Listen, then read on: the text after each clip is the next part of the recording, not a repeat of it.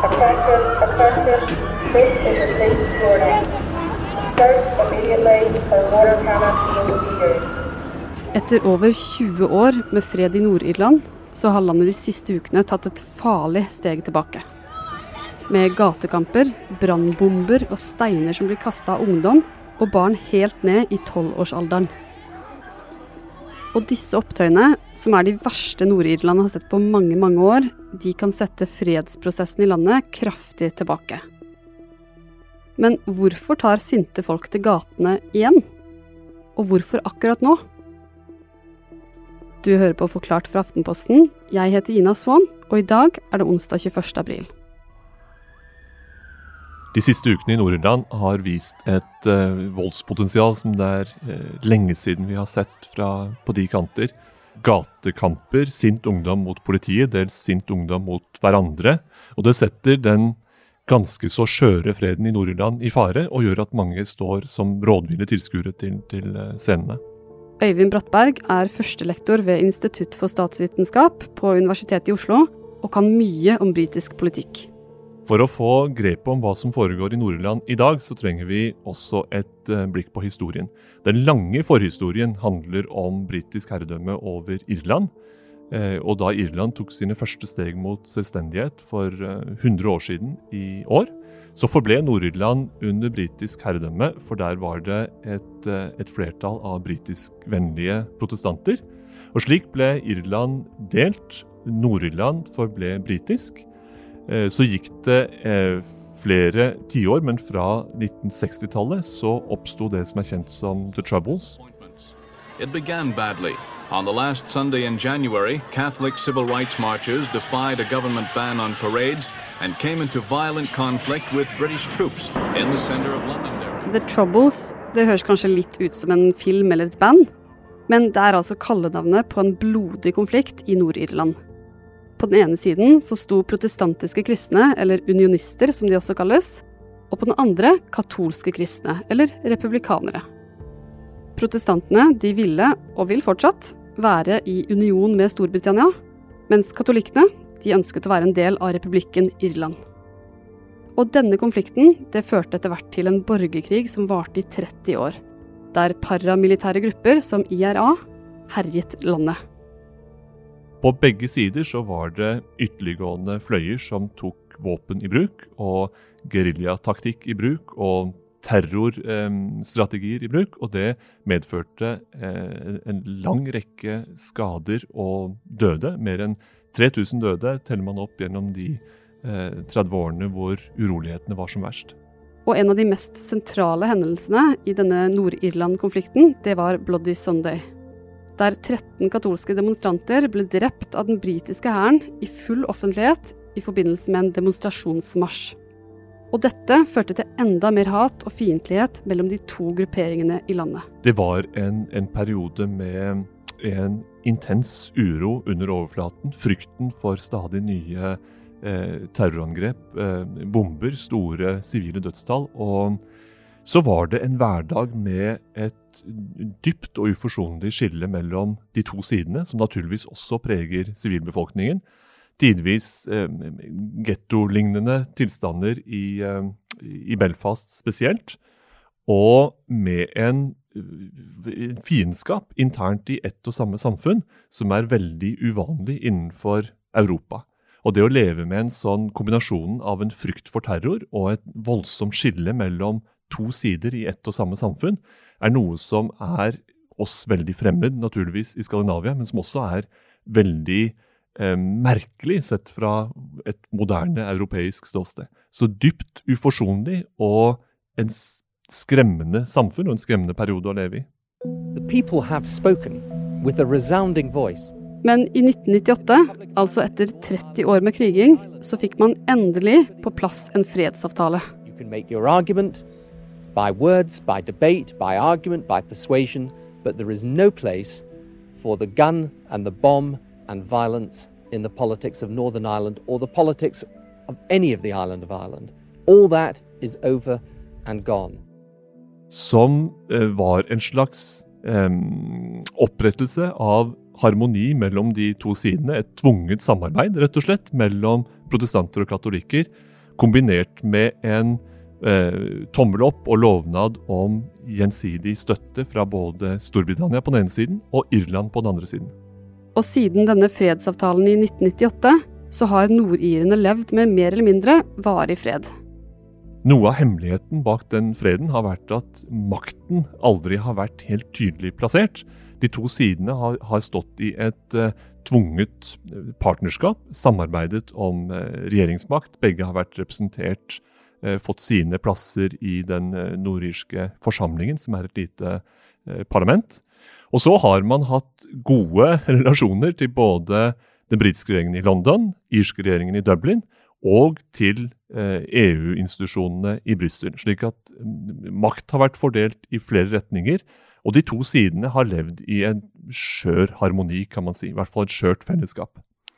Men under dette skjøre fellesskapet så har gammelt fiendskap fortsatt som en ulmebrann, kan man si. En brann som ikke er synlig i det hverdagslige, uh, unntatt disse merkelige skillene mellom hvor folk bor i byen, og hvor, hvilke skoler de går på, hvem de omgås. Like fullt så ligger det noe under og gløder, og på et eller annet tidspunkt kan det flamme opp. Og nå kan det se ut som om det er det som har skjedd.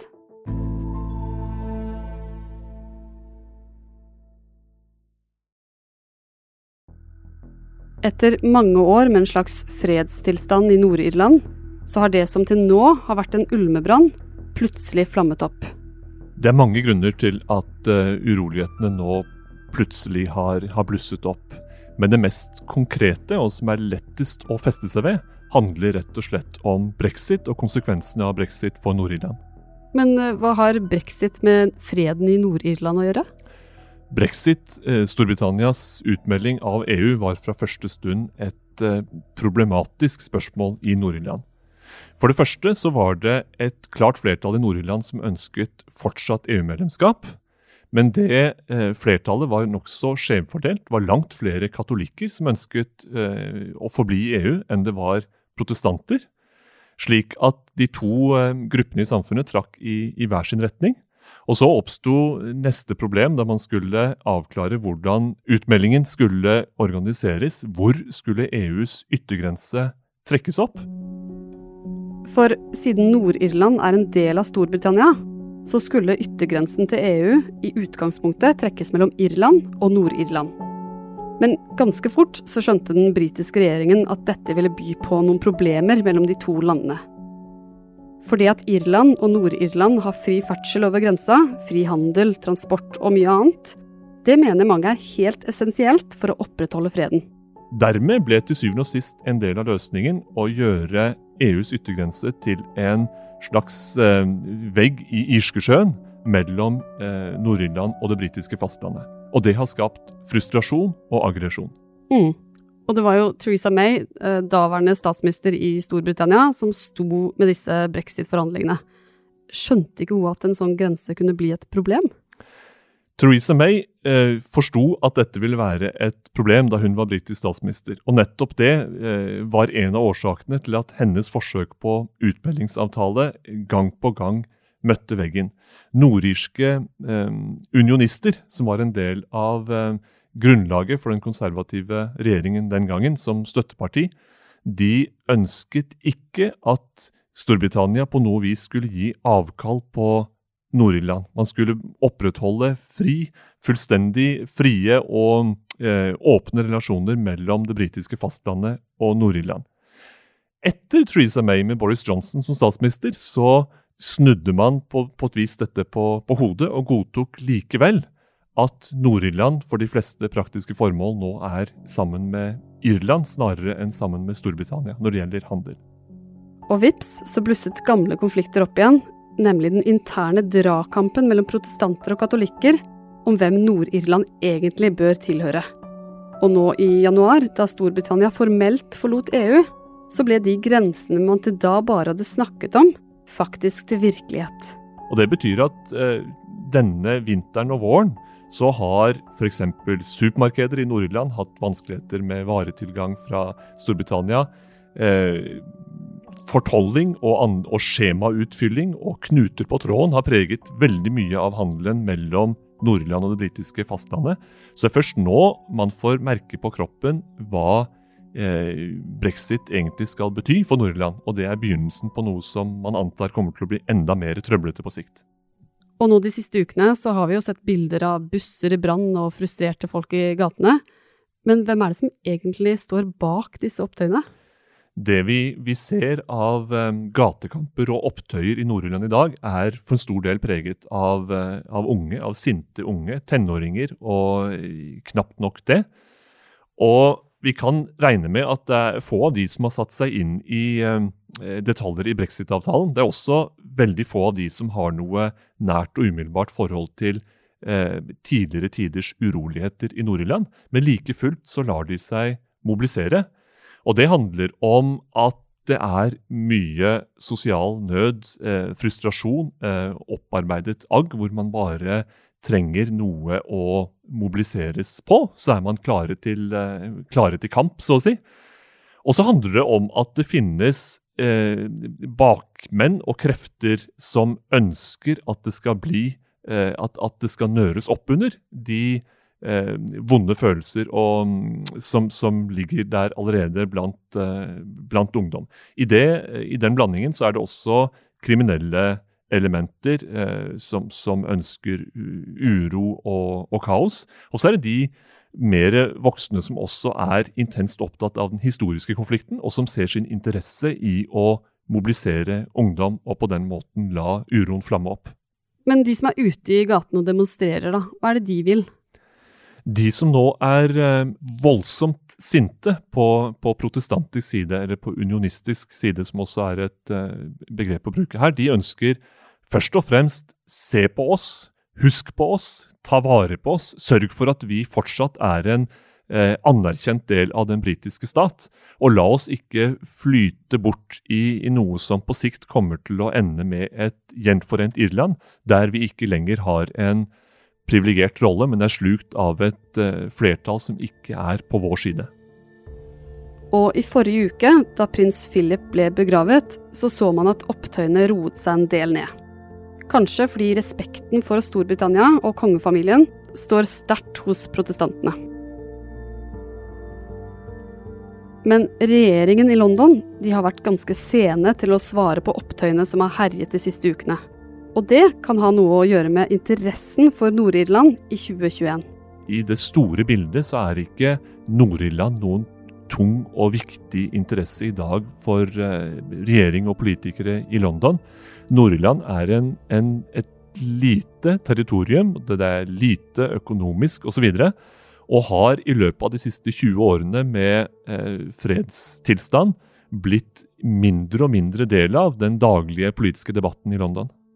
Men nå er det jo opptøyer igjen i eh, Nord-Irland som får masse oppmerksomhet. Hvor farlige er det her egentlig? Kan det bli en ny The Troubles?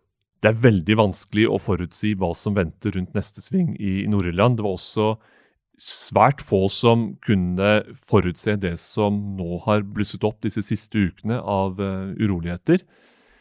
Jeg og mange andre er urolige for hva som venter i, i sommer, når den såkalte mars-sesongen begynner og historiske slag skal minnes. Eh, de sterke motsetningene mellom gruppene blir tegnet opp på, på ny. Jeg tror vi skal håpe på at de ungdommene som er eh, sinte og preget av agg og frustrasjon, at de lar andre aktiviteter ta over Husk også at eh, covid-situasjonen er en del av dette bildet. Et, et åpnere samfunn med, med, flere aktiviteter, arbeidsplasser som vender tilbake osv. vil forhåpentligvis gjøre at ting ser lysere ut allerede i løpet av dette året. Og så handler noe naturligvis om de bakmenn i kulissene, hva de velger å gjøre og ikke gjøre. Og til syvende og sist så er forsoning og den skjøre freden vi har snakket om, helt og fullt avhengig av dem.